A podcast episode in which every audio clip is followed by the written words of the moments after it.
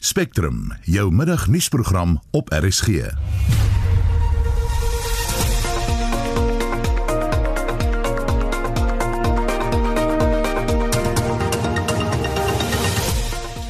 die program kommer dat COVID-19 en stowwe dalk in die hande van boewe kan beland. I think we are far more vulnerable than we even know. Theft in public sector facilities is rife. We've certainly had theft from the provincial depots and we have a lot of theft happening from hospitals. In fact, we've had problems with theft on demand where people just phone in an order to a member of staff and a box gets packed up for them. Die prys van brandstof skiet die hoogte in en die verslapping van onder meer die drankverbod en aandklokreël word verwelkom. And we really thank him from the bottom of our deep hearts for the opportunity to be able to open our doors and for people to come back to work. We'd also like to thank our patrons and the beautiful South Africans who, over the last weekend, have heard our pleas and have come into our businesses and done everything they can to support us in keeping our businesses open. Goeiemiddag, ek is Susan Paxton. 8 minute oor 1 jy luister na Spectrum. Die burgerregte organisasie AfriForum het vanoggend 'n dringende hofbevel verkry sodat mediese praktisyns dadelik die antiparasitiese middel Ivermectin vir die behandeling van COVID-19 kan gebruik. Dokters moet steeds soos die Suid-Afrikaanse Gesondheidsprodukte Raad SAPRA voorgeskryf word, volgens artikel 21 aansoek doen om die middel aan pasiënte voor te skryf, maar die hofuitspraak bepaal dat 'n dokter sal kan voortgaan om die middel te gebruik terwyl daar vir goedkeuring goedkeuring van SAPRA gewag word. Ons praat nou met AfriForum se hoof van navorsing Barend Eis. Goeiemôre Barend. Môre Susan. Jy sê die uitspraak is 'n deurbraak vir die vryheid in mediese sorg. Hoekom? Man Susan, ek dink die belangrikste is dat om met die behandeling te begin, daai besluit word oorgelaat aan die mediese dokter se oordeel en hulle is die beste mense om daai besluit te neem. En dan net die tweede baie belangrike ding, die hindernis wat daar was dat mens moet wag vir goedkeuring voor mens sou kon begin met die behandeling. Daai hindernis is uit die weg geruim. En natuurlik dan die derde ding dit is nou 'n hofbevel. Met ander woorde um, die riglyne kan nie nou eensaidig deur SAPRA gewysig word Dokters wat 'n beroep op die president gedoen het vir die wettiging van Ivermectin, was teleurgestel oor die ekstra papierwerk van die artikel 21 aansoeke. Tog het SAPRA en mediese organisasies skerp gewaarsku dat daar nog nie genoeg mediese bewyse is om Ivermectin vir die behandeling van COVID-19 te gebruik nie. Nou eh, kan dit gedoen word. Jong Susan laat ek so antwoord. Um, ons is ook besorg um, um oor die die papierwerk of die administratiewe las wat op dokters gelê word en daarom het ons gaan ons ook binnekort 'n portaal beskikbaar stel waar mense probleme wat hulle ondervind byvoorbeeld met die aansoekproses kan aanmeld. Ons is regtig oortuig daarvan dat daar genoegsame inligting beskikbaar is um, om die gebruik van Ivermectin um um dat mense dit kan aanbeveel, jy weet. Ek dink wat mense moet belangrik onthou is dit is 'n pandemie, dit is soos 'n oorlog. Um ons moet onthou van 'n vorige pandemie wat steeds met ons is um, die HIV vigs pandemie en daar was vertragings met die beskikbaar beskikbaarstelling van antiretrovirale middels en dit het baie slegte gevolge vir ons gehad. So in hierdie geval moet ons weer risikovoordeelontleding doen. Is Ivermectin veilig, die mensmedisyne? Ons weet dit is baie veilig. Dit is deur miljoene mense gebruik oor 'n tydperk van meer as 3 dekades. So ons weet dit is veilig. Met ander woorde, die risiko is laag. Wat is die moontlike voordeel? Ons het 'n klomp studies oor 'n klomp lande wat wys dat daar potensiële voordele is. Ek kan dalk spesifiek Peru noem waar dit op 'n reuse skaal onder die bevolking versprei is. En daar dit wys potensiaal dat dit dalk gaan help om sterftes te verminder en mense gaan help om vinniger te herstel. Nou as jy hierdie voordeel risiko ontleding doen, met ander woorde, daar's nie regtig 'n risiko nie want dit is veilig, dit is baie bekend, ons weet hoe dit wat se interaksie met ander medisyne en dit kan moontlik lewens red. Waarom sal ons dit nie doen nie? Hm. Wat van mense wat reeds die landbouproduk gebruik, wat is jou raad aan hulle? Jong, ek dink die belangrikste raad aan daardie mense is is dat hulle asseblief steeds hulle mediese dokter moet raadpleeg. Want as jy jouself by die huis nou behandel, dan is daar dalk ander komplikasies waarvan jy nie weet nie wat jy nodig het dat 'n dokter dit moet behandel. So ons wil 'n regtige beroep op mense doen. Hulle moet asseblief steeds hulle mediese dokters gaan sien dat die mediese dokters na hulle kan kyk en dat alle moontlike um, komplikasies behandel gaan word. Maar ons dink natuurlik met hierdie soos wat die beskikbaar telling van ivermectin vir menslike gebruik um, meer geredelik word, hoop ons regtig dat dan 'n wegbeweeg sal wees um, van die dierprodukte en dat ons ook eintlik die swart mark wat nou selfs vir die mensmedisyne ontstaan het, laat ons dit ook heeltemal sal vernietig. Baie dankie, dit was Afriforum se hoof van navorsing Barend Eis. Die Verenigde Nasies se onderrig wetenskap en kultuurorganisasie UNESCO het sy stem gevoeg by die koor van stemme wat antwoorde eis oor die opening van die St Lucia Meer se mond na die see. Die mond is met 'n stootskraper in Januarie oopgestoot. Isimangaliso het destyds gesê dat die oopskraap van die mond gedoen is na aanbevelings van 'n multidissiplinêre taakspan wat die kwessie ondersoek het. UNESCO voer egter aan dat hulle nie ingelig is oor die besluit deur die minister van omgewingsake, bosbou en visserye, Barbara Krisi nie. Krisi het intussen Isimangaliso versoek om 'n verslag in die verband aan haar te stuur. Die woordvoerder van die departement van omgewingsake, Albi Modisi, sê hulle wag nog vir die verslag. The minister had asked the management authority, that is Ismangaliso, to finish her with a report that will indicate to minister as to the scientific rationale for the decision that was taken. And the minister will, once she's engaged the report, engaged with the, you know, the relevant authorities and the legal counsel, uh, she will pronounce herself on that particular matter. Dit was die woordvoerder van die departement van omgewingsake, bosbou en visserye Albi Modisi. Isimangaliso het nog nie op enige van Spectrum se navrae gereageer nie. Dele van Pretoria het oorstroom weens die reën wat oor gebiede in Gauteng en elders uitsak. Ons praat met die woordvoerder van die Tshwane nooddienste, Charles Mabaso, oor die jongste daar. Good afternoon, Charles. Good afternoon, Suzanne, and good afternoon for to the listeners, and thank you for having me. You experienced flooding last week as well. What issues have cropped up now? Uh, the issues that have popped up uh, so far relate uh, still to the rising water uh, around low water bridges, particularly in the Centurion area. And uh, the rain continues to wreak havoc in informal settlements uh, around Social Bouve, uh, Etangala in Region 7, as well as uh, other parts like Extension 8 also in Social Bouve. And uh, in other parts like uh, in Villeria, this morning a tree was uprooted and firefighters had to be sent out to cut the tree and clear the road.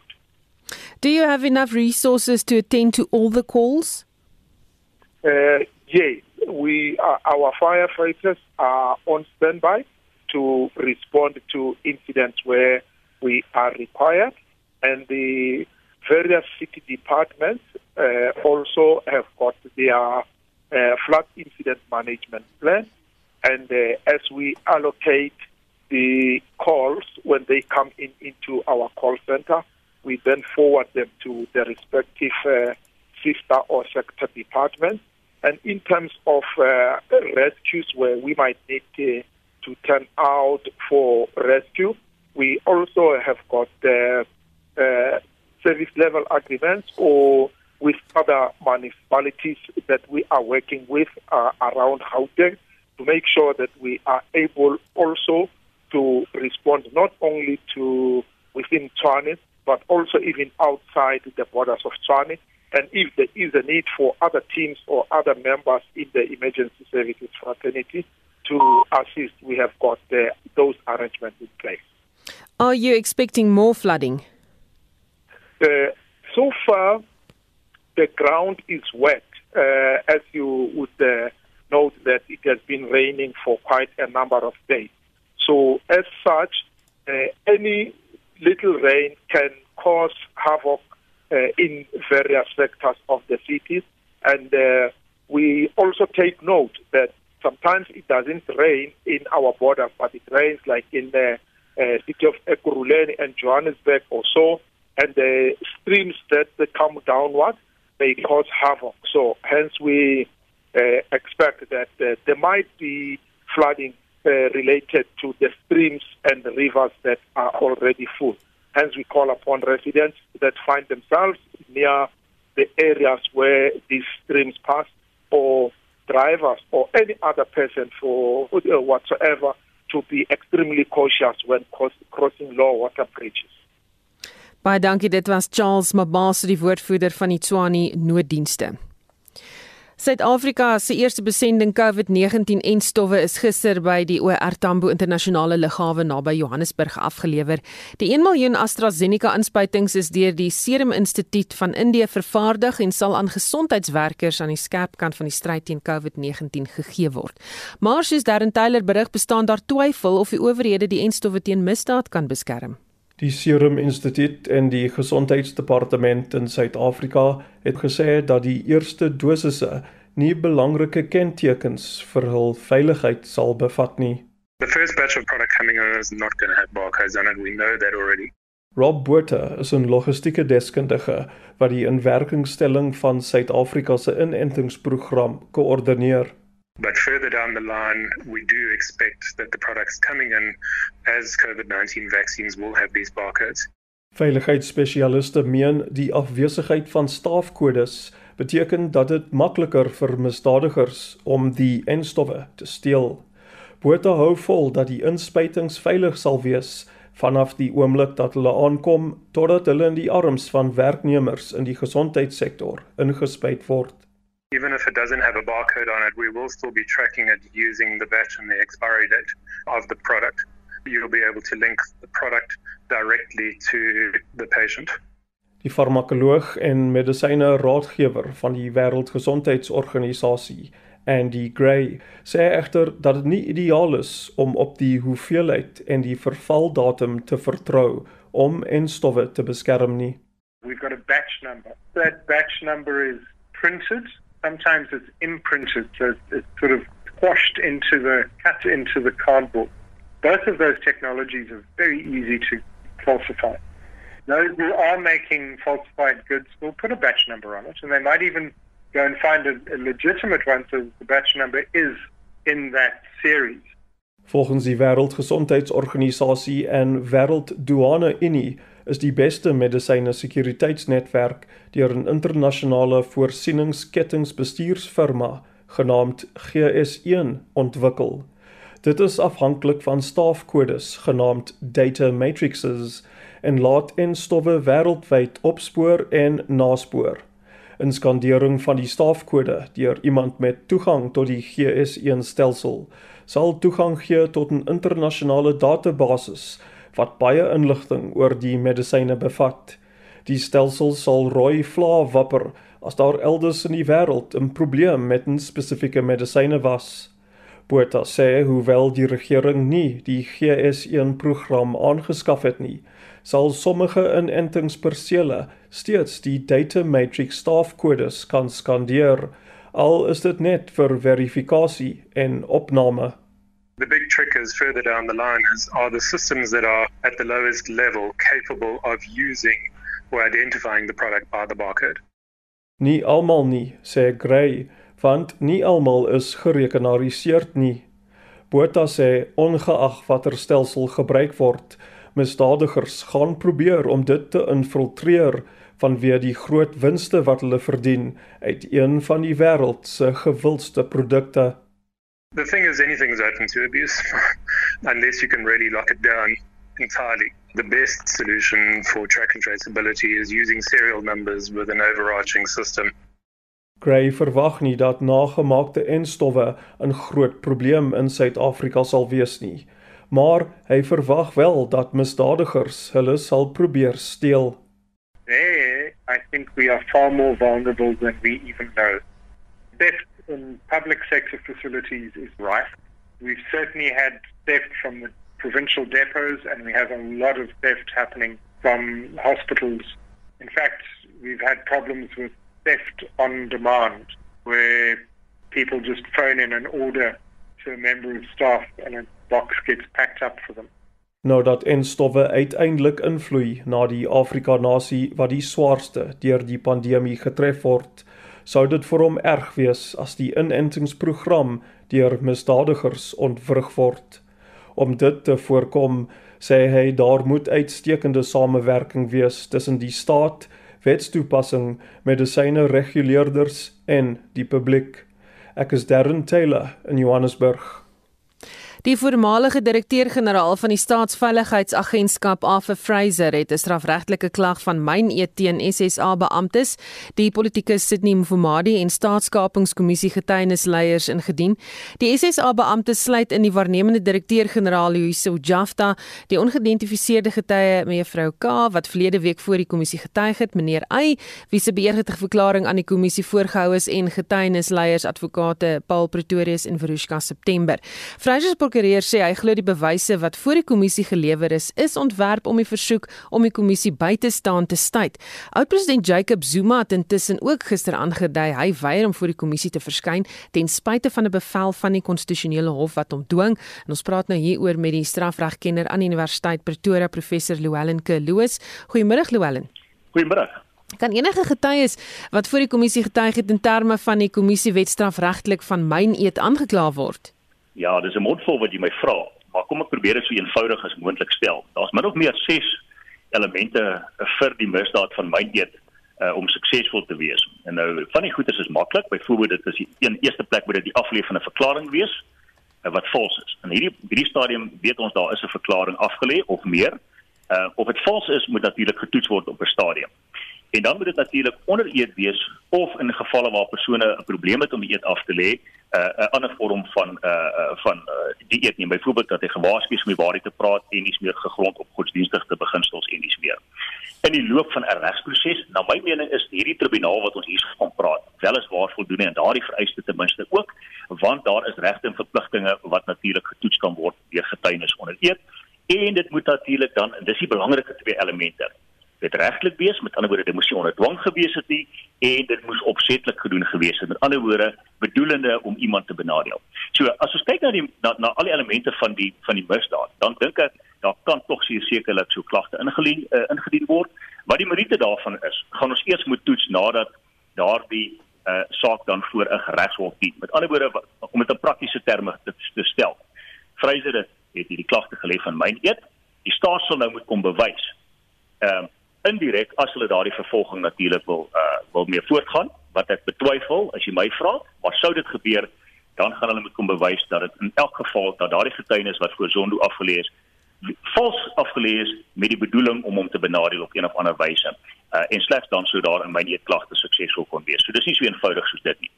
Ehm um, die vraag wat jy vir my behoort te vra is beteken dit nou dat mense moet bang wees om getuienis voor 'n uh, 'n kommissie van ondersoek af te lê? Die antwoord is dood eenvoudig nee Uh solank jy die waarheid praat, sou jy nooit in die moeilikheid kan beland nie. Dit is eenvoudig so dit. Ehm um, as jy natuurlik leuns onder eet ver, uh, vertel, dan loop jy die risiko om jouself skuldig te maak in myn eet. En daarmee saam uh, is dit natuurlik so dat artikel 3 sub 4 van die kommissie se eie wet natuurlik mense beskerm teen hulle self. Met ander woorde, die oomblik as jy die risiko dra dat jy jouself kan inkrimineer uh, in moontlike strafregtelike vervolgings later, dan hoef jy nie natuurlik op daai vrae te antwoord nie en jy kan jou swygreg uitoefen wel wetende dat jy moontlik die risiko loop om jouself te inkrimineer. En dit is min of meer die die, die toedrag van sake rondom daardie aspek. Jacob Zuma sê die konstitusionele hof se besluit om hom te dwing om voor die kommissie te verskyn laat hom weerloos teen die kommissie. Is dit waar? Ja, dit is natuurlik 'n uh, 'n uh, geklomp snap as jy my vra en ek en ek wil dit met die grootste respek stel. Uh die, die punt van die saak is die die kommissie het hom nou gedwing om te verskyn. Hy het Likraak gister in 'n skrywe te kenne gegee dat hy nooit eenvoudig uh, nie daaraan gaan steur nie. Uh, ag hy het natuurlik natuurlik gegaan uh, terug na die 1963 daartoe van Suid-Afrika in die apartheidjare en probeer almal blameer behalwe homself. Hy verwys na Robert Sebukwe en dat hy dieselfde asem gesien moet word as daardie vryheidsvegter van destyds wat teen die apartheidsregering en al die onbillikhede van van 'n uh, regstelsel in opstand kom en dat hy nie bang is om tronk toe te gaan nie, uh, maar dat hy definitief hom nie gaan steur aan die uh, uh, grondwetlike hof se bevel om hom te gelas om te, te getuig nie. Ehm um, ek moet dit net baie duidelik stel. Ehm um, dit is so. Uh, hy is nou verplig om te gaan verskyn. Hy is verplig om uh, om aan direktiewe van die uh, kommissie te steur uh, en dis meer. Maar daar's 'n provisie wat ek nou nou ook in, in die verbygaan vermeld het. En dit is artikel 3 sub 4 van die kommissie se eie wet. Die grondwetlike hof het dit baie duidelik gestel dat wanneer hy nou eendag daar is, met ander woorde hy moet daar wees. As hy dit nie daar kom nie, is hy al klaar in minagting van 'n bevel.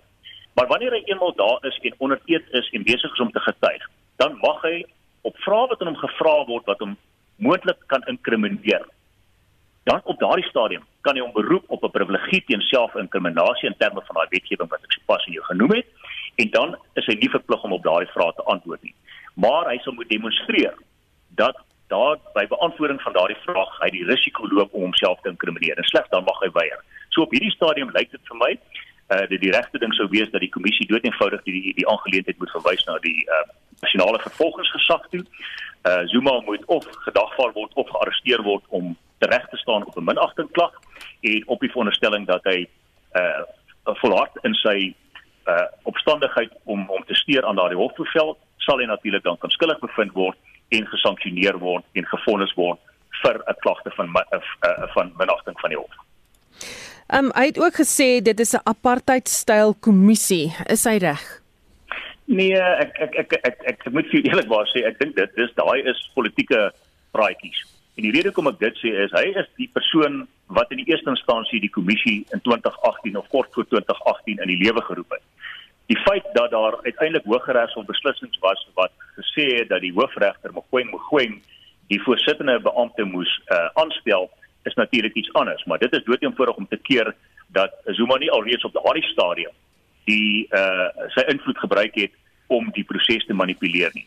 Maar in die eerste instansie was dit sy prerogatief uh om die kommissie in die lewe te roep en dit is uh, weet ek kan nie nou kom omdraai en sê nee nee maar ek is ontevrede met dit wat ek self in die lewe geroep het. So uh, ek dink daai is 'n uh, blaatante uh dood eenvoudig kos-kop vir die kantlyn om mense te probeer met allerlei interessante praatjies uh, om die bos lê.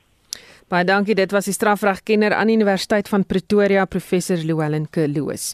Ons bly by die storie en praat nou met die politieke ontleder verbonde aan die program vir regeringskunde aan die Universiteit van die Vrystaat, Dr Ina Gous. Goeiemôre Ina. Goeiemôre. Wat dink jy is Vrystaat se doel om Mufamadi, SSA agente en getuienisleiers van die Zondo-kommissie strafregtelik van myn eet aan te kla? Ja, ek dink hy wil onmiddellik 'n sterk reaksie, jy weet, uh, wys teen hierdie aantuigings teen hom want dit is baie ernstig soos wat ons gehoor het. En ehm um, ons dit dis baie duidelik dat hy wou hê dat uh, jy weet dat, dat hy sy onskuld wil uh, jy weet bewys in die opsig. Ons weet nou ook dat die ondersoek nie noodwendig uh, jy weet so vinnig sou wees nie. Hy weet dat die dat dat, dat die aantuigings ondersoek sal moet word. En 'n mens kan nie help om te wonder om weet hoe veilig hy op die stadium voel in die in die omstandighede ons weet bijvoorbeeld dat hy in die verlede is ook gemaak het teen Jean Paul uh na die boek in in in in die beweringsdaal en en hy het niks van gekom. So ek dink hierdie is 'n reaksie op op wat verlede week gebeur het en ons gaan nou sien of of as die ondersoek in die saak weer gaan wat ehm um, Johan pas gesê het hy het twyfel wat dan die gevolg daarvan sal wees. Maar ek dink dit om te wys uh jy weet 'n uh, uh, uh, op openbare uh weet aksie om sy onskuld te, te probeer bevestig. Wat sê Zuma se weiering om voor die Sondekommissie te verskyn vir ons, dit ten spyte van 'n hofbevel teen hom? Ek dink hy wil voortgaan met sy sy aksie en dit is uiteraard so gaan met Stalingrad um, en hy dink ek dink op die stadium uh weet hy dit dalk jy weet 'n laaste poging om homself um weet uit die hot seat te hou as ek dit sou kan stel. Nou soos wat Luana weer eens gesê het, hy het is sy volle mag om nie vrae te beantwoord wanneer hy daar opdaag nie, maar hy is verplig om wel te verskyn. En nou het ons uiteindelik die situasie bereik waar jy weet, dit 'n politieke of 'n grondwetlike situasie word. Ek dink Zuma weet baie goed dat om hom te arresteer sekere politieke gevolge sal hê wat negatief sou uitwerk vir vir sekere mense binne die ANC. Maar as gevolg van wat die grondwet konstitusionele hof gesê het, uh dink ek daar's nie meer 'n keuse as om hom uh jy weet verantwoordelik te hou sou hy nie verskyn. In die groter politieke landskap van Zuma se nalatenskap as president met staatskapingsbewegings teen hom, hoe speel dit uit? Ek was pas al lank baie oor oor Zuma se netwerk wat wys is en wat baie diep gestetel is. Sy net as wat hom afkom.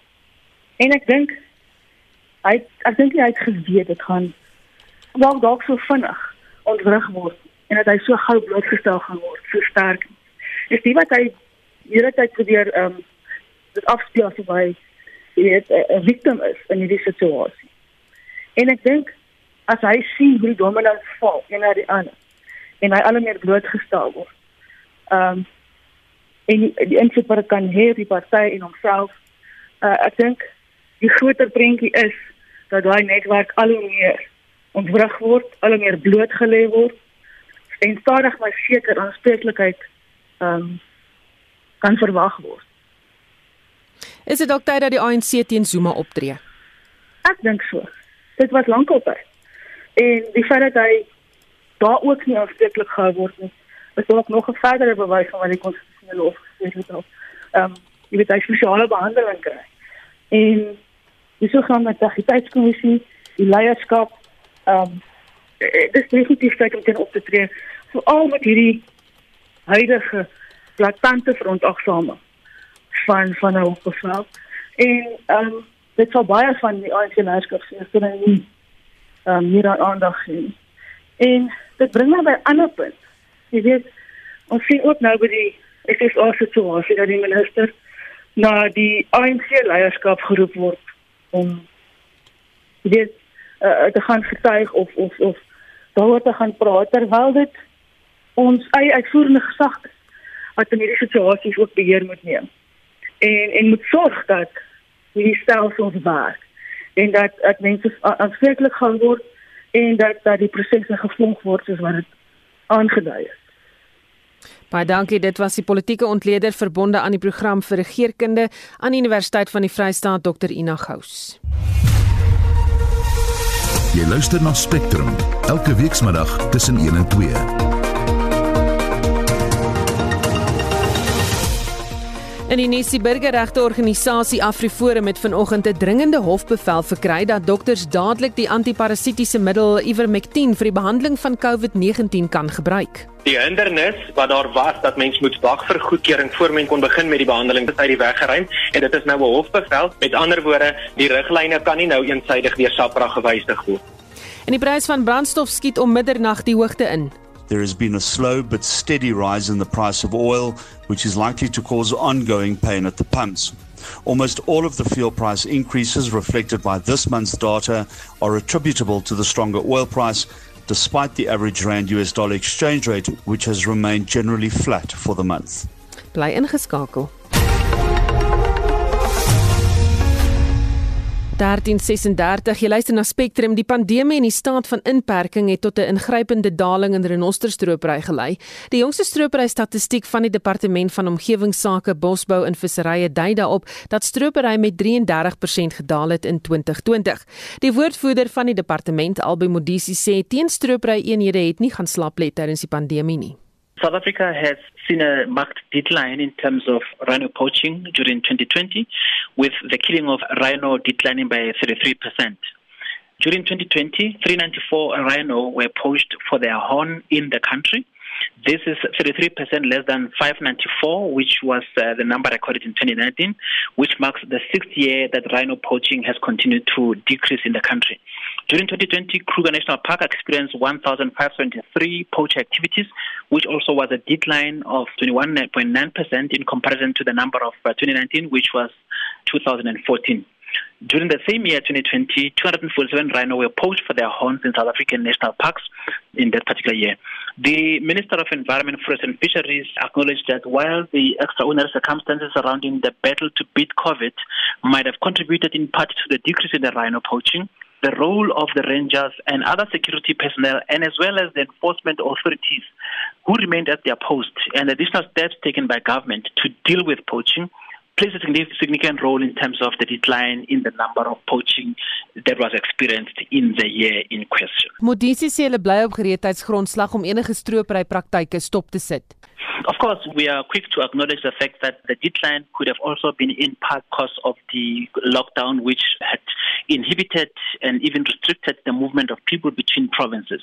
And that with the reopening under the relaxed regulations, with the increase in movement, that there is likely to be an increase, and therefore our enforcement agencies, working closely with the rangers in the different national and provincial reserves, continue to have their eyes ready and uh, on the guard to make sure that we protect the rhino population in the country. Modesi sê verder dat die aantal mense wat gearresteer is verlede jaar vir stropery 'n aanduiding is dat die onwettige praktyk nie vinnig tot 'n einde gaan kom nie. Clearly, poaching as we experience in this country, it's as a result of uh, the demand globally.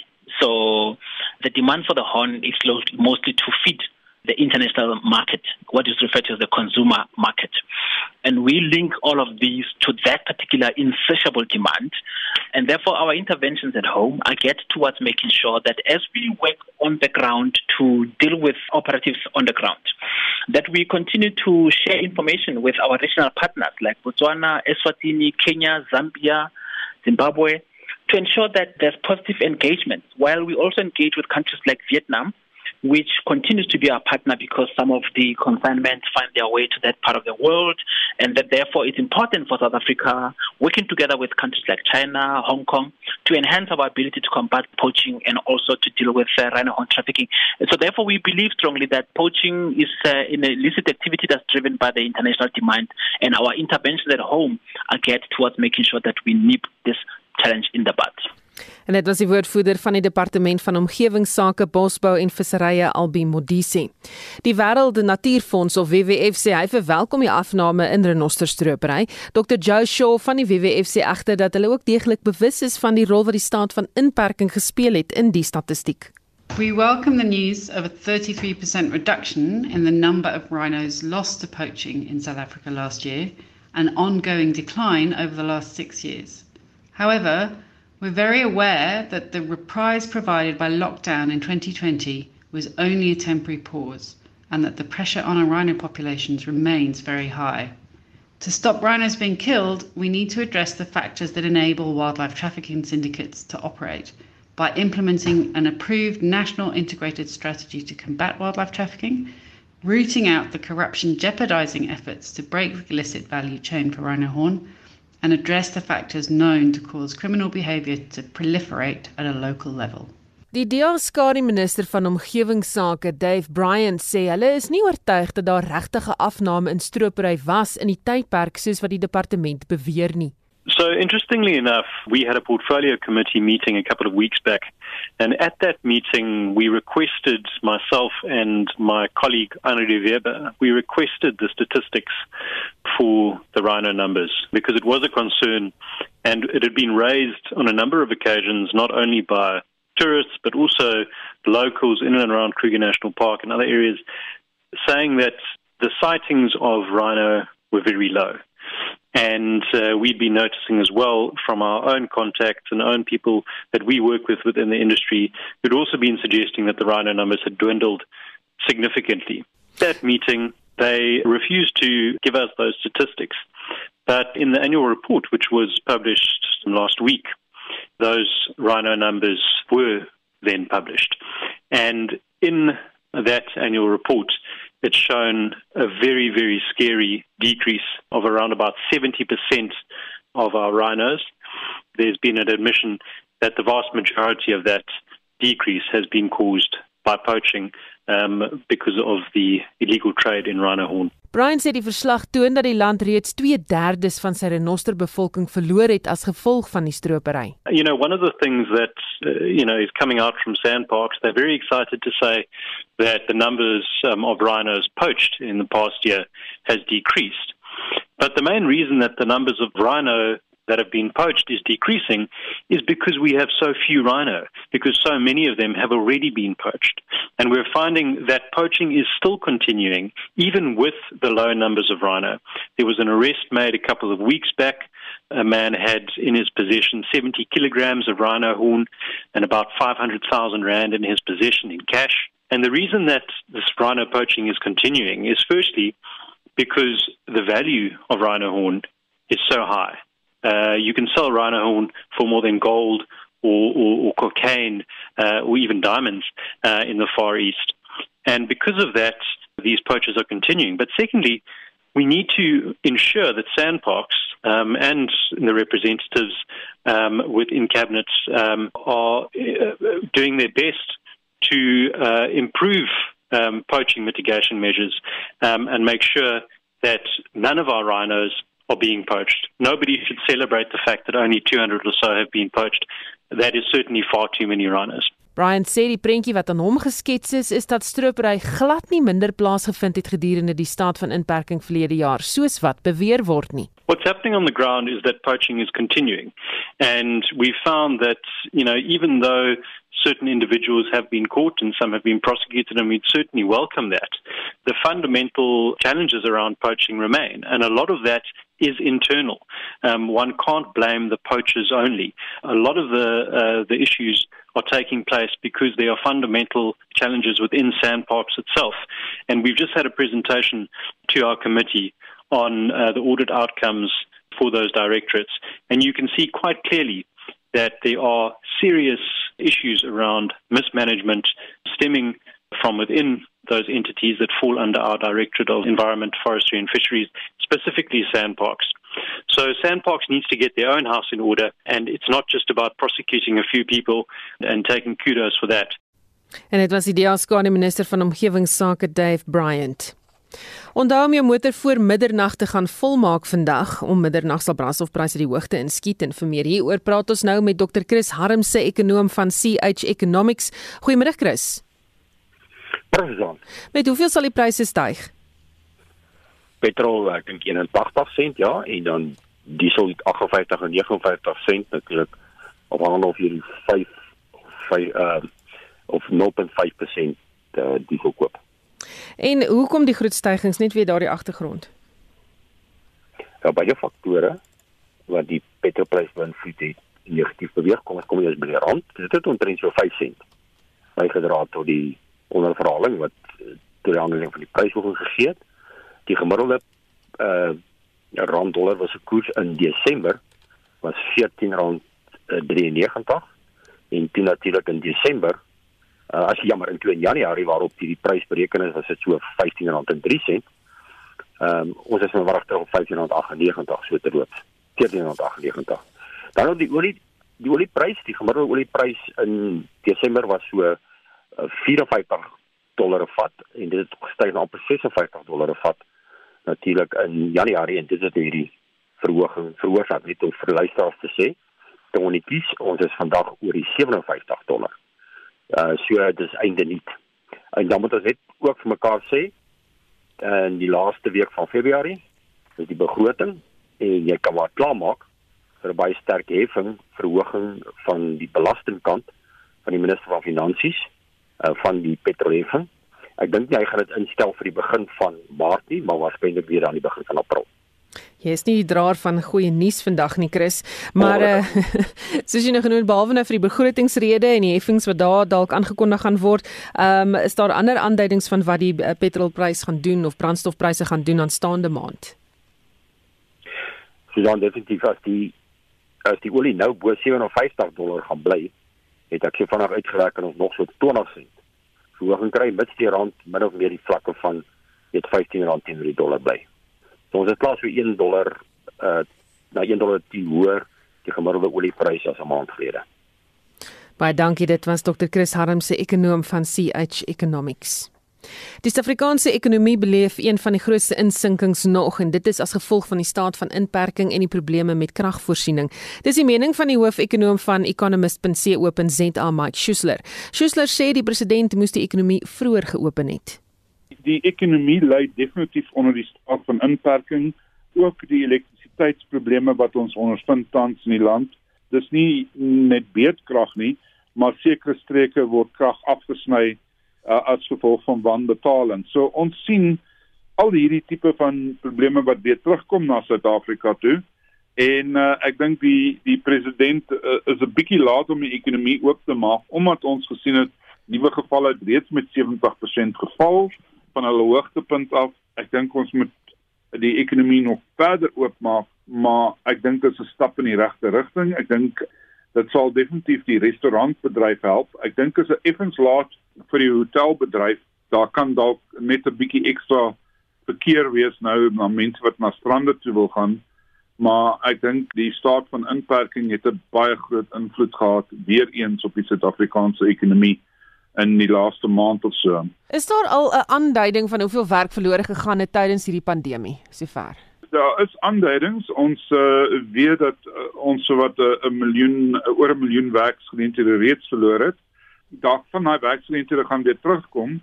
Maar die probleem is dat baie van die werksgeleenthede wat ons uh, die data wat ons het eerstens is na die tyd. So die beste data wat ons nou het is vir die derde kwartaal en dis heel moontlik dat dit nog gaan aangepas gaan word. En dis die derde kwartaal verlede jaar. Nou is ons al in die eerste kwartaal van hierdie jaar en wat ons weet is dat nog meer restaurante toemaak, hotelle en so aan met ook gesluit en hierdie situasie gaan nog 'n lang ruk voortduur.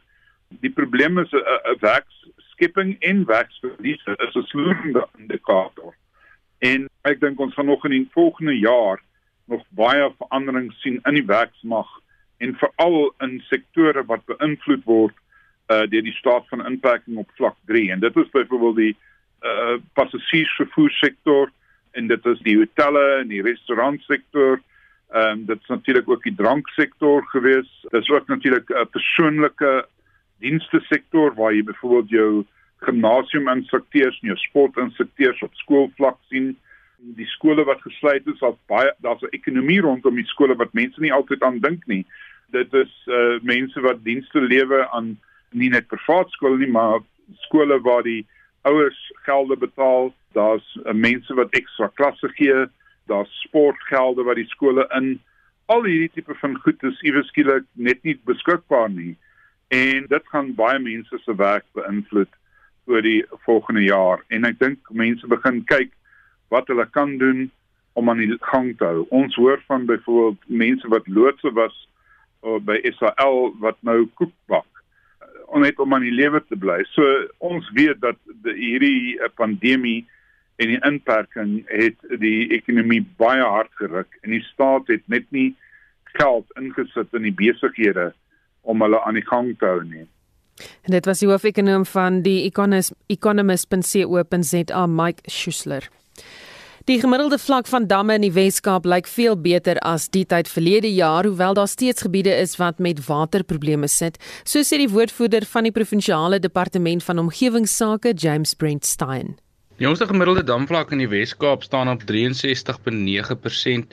Verlede jaar die tyd was dit so 52%. So ons is seker so 12% beter af as verlede jaar die tyd en verlede jaar was 'n was 'n goeie jaar. Uh ons is dankbaar om ook te sien die stad Kaapstad se damvlakke staan op die oomblik net meer as 83%. Dis natuurlik die area met die grootste hoeveelheid mense. So dit is baie bemoedigend om te sien dat die damme so gesond lyk. Ons sien Teewaters Kloof, die grootste dam in die provinsie staan hierdie week op 86%. Net 2-3 jaar gelede was die dam op 10% en besig om vinnig leeg te loop. So dit wys wat 'n goeie verandering 'n jaar of twee se goeie reënval kan meebring. Daar is egter nog gebiede wat droogte beleef. Uh, James, wat is die jongste hieroor? Dis grootliks steeds in die sentrale Karoo streek. Ons het 'n bietjie reën geontvang in daardie gebied die afgelope 2 weke of so. Goeie reën in sekere areas, soos byvoorbeeld die Beaufort Wes se opvangsgebied het goeie reën ontvang, maar daar is dele van die sentrale Karoo wat steeds swaar gebuk gaan, veral in die landbouarea van die sentrale Karoo. Ons praat van plekke soos Ladysmith, van Wyksdorp, Karlsdorp, daardie tipe gebiede wat steeds swaar trek. En die dorp Prins Albert het ook waterprobleme. Wat is die kwessies daar? Prins Albert het hierdie week onder ons aandag gekom.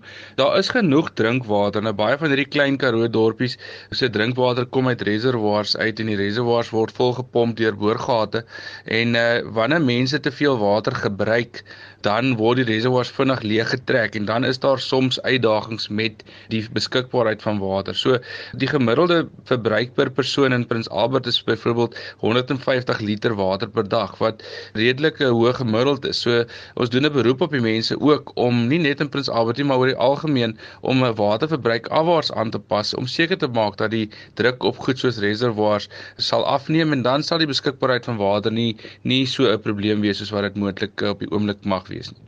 Hoe beplan julle om dit op te los? Ons uh, bly maar bekommerd oor die moontlikheid van 'n swak reënvaljaar. Ons ons voorsien waarskynlik hierdie jaar egter dis nog te vroeg, maar ons ons hoop dat ons hierdie jaar weer 'n goeie reënvaljaar in die winter sal sien. Die Kaap is maar 'n 'n winterreënvalstreek, maar ons het swaar lesse geleer die afgelope 5-6 jaar met die droogte. So die groot grootste les om te leer is dat ons almal saam moet werk. Ons is almal saam in die ding. Ons moet ons hulpbronne, ons skaars hulpbronne goed en verantwoordelik bestuur en gebruik. So al het ons goeie water, al het ons is ons damme meestal vol en en, en voller as wat dit ooit was in die afgelope ruk. Bedoel dit nie ons kan nou uh, lig uh, lig loop of sommer net mors nie. Ons moet aanhou met ons goeie waterverbruikspraktyke en ons vra dat mense se gedragsverandering uh, op 'n permanente basis moet geskied. Die deelbron gaan altyd onder druk wees in die toekoms en uh, ons dis maar gevolg van bevolkingsgroei en verstedeliking en uh, ons moet probeer wat ons kan om hulpbronne so effektief moontlik te bestuur. Uh, wat betref die water en damme, ons ons bestuur dit in die beste manier wat ons kan en die beste tyd om dit te bestuur is terwyl ons dit het. En ons ons hou aan om die studie die streke te monitor waar die situasie steeds uh, moeilik is en uh, saam met die departement landbou in die provinsie staan ons wel die mense by wat hulp nodig het en ons is doen ook gereeld beroepe op die nasionale regering om te kyk hoe hulle ingespan kan word in die saak. Dit was James Brandstein, die woordvoerder van die provinsiale departement van omgewingsake in die Wes-Kaap. Die Ograbies waterval is tans 'n gesig om te sien en Sandpark owerhede verwag nog meer water om oor die waterval te kom die komende naweek. Die woordvoerder van Sandparke in die Noord-Kaap, Genevieve Maasdorp, sê mense moet weens die COVID-pandemie steeds bespreek om te verseker dat hulle by Ograbies kan inkom om die skouspel te kan sien. Behuidiglik gaan dit 'n bietjie afdaal hierdie week en dan Vrydag gaan dit weer begin styg. Die voorspellings is dat dit na 2000 kubiek meter gaan styg. Ons groot hoeveelheid water wat afkom, is daar enige waarskuwings vir mense wat so half langs die rivier en of Ograbies gaan besoek? Nie nie eh, vir Ograbies valle nie, want 2000 kubiek meter is nie so hoog nie, maar vir die mense wat langs die Oranje rivier wel, is daar wel waarskuwings uitgestuur van departement waterwese se kant af dat hulle nou voorlopig wanneer die water afkom nie moet gaan naby die rivier en so nie vir veiligheidsdoeleindes. Maar jy kan nog steeds by Grafies Park kan jy nog steeds gaan tot gaan stap en gaan kyk hoe die valle afkom. As jy nou moet oordeel, 1 uit 10 ja. uit, jy weet, is dit nou mooier of of slegter of beter as vorige jare? Dit is beslis beter as vorige jare. Ehm um, in 2011 kan ek vir jou sê het ons omtrent oor die 4000 km gehad. Dit is die laaste wat dit die hoogste gewees het. Enige spesiale reëlings natuurlik as gevolg van die pandemie? Die enigste spesiale reëling wat ons het, Susan, is dat die dagbesoekersgebied by die braaigeriewe in die swembad insluit. Ons laat ongelukkig net 50 persone toe as gevolg van COVID regulasies en dis ongelukkig 'n first come first serve basis. So ek sal voorstel mense moet so vroeg as moontlik kom en ek kan sê die hekke maak se weer oop elke dag. Maar verder is daar geen ander en dan word daar natuurlik siftingsprosesse gedoen wanneer almal toegelaat voor hulle toegelaat word by die park. Dit was die woordvoerder van Sandpark in die Noord-Kaap, Genevieve Maasdorp. Shaun Jooste, die jongste sportnuus. Ons val weg met tennisnuus. Die ATP spanbeker toernooi het vanoggend in Melbourne begin. Servië het Kanada in hulle eerste ronde met 2-1 geklop en Italië het Oostenryk met 2-1 uitoorlê. Servië se Novak Djokovic het Denis Shapovalov van Kanada in twee stelle getroof, maar Dominic Thiem van Oostenryk het weer in twee stelle teen die Italiaaner Matteo Berrettini verloor. Rusland se Daniel Medvedev en Andrei Rublev het ook verseker dat Rusland met Argentinië afreken na hulle oorwinnings oor Diego Schwartzman en Guido Pella. Rugby. Die slot Marvin Orie het 'n nuwe kontrak by die Lions van die hand gewys en besluit om sy loopbaan elders voort te sit. Daar word verwag dat die 27-jarige Springbok slot by 'n oorseese klub sal aansluit. Hy het in 2017 by die Lions aangesluit en ook al 3 keer die groen en goud oor die kop getrek. En laastens kyk ons na 'n paar sokkerwedstryde wat vandag voorlê. In die DStv Premierliga speel AmaZulu 3 uur teen Black Leopards en Golden Arrows 5 uur teen Orlando Pirates. En in die Engelse Premier League kom Sheffield United teen West Brom en Wolves teen Arsenal. Dit is vanaand 8uur. En dan kwart oor 10 Manchester United teen Southampton en Newcastle United teen Crystal Palace te staan. En dit was Shaun Jooste van RSG Sport.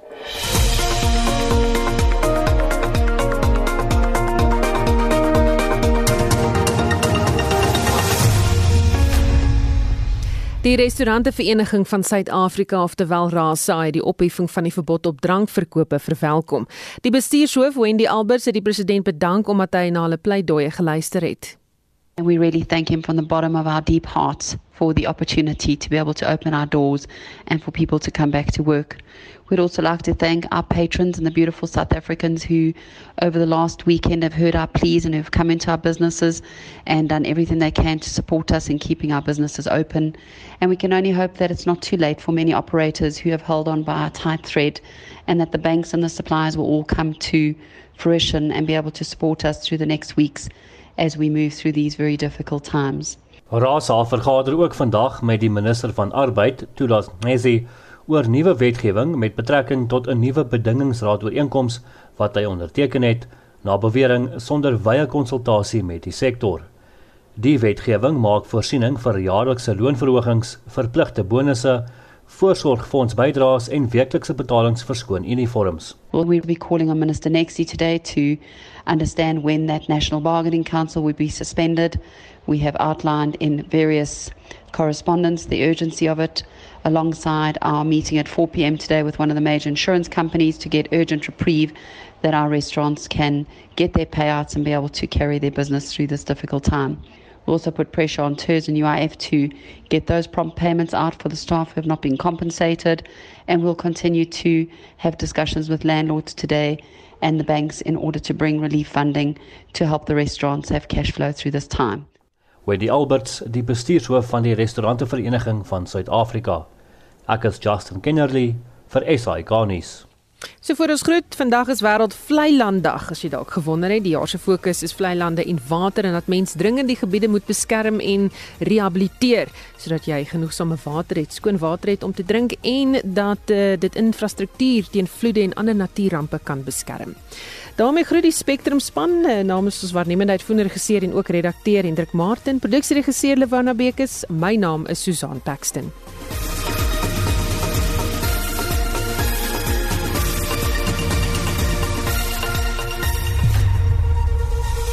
SAK nuus. Onafhanklik, onpartydig.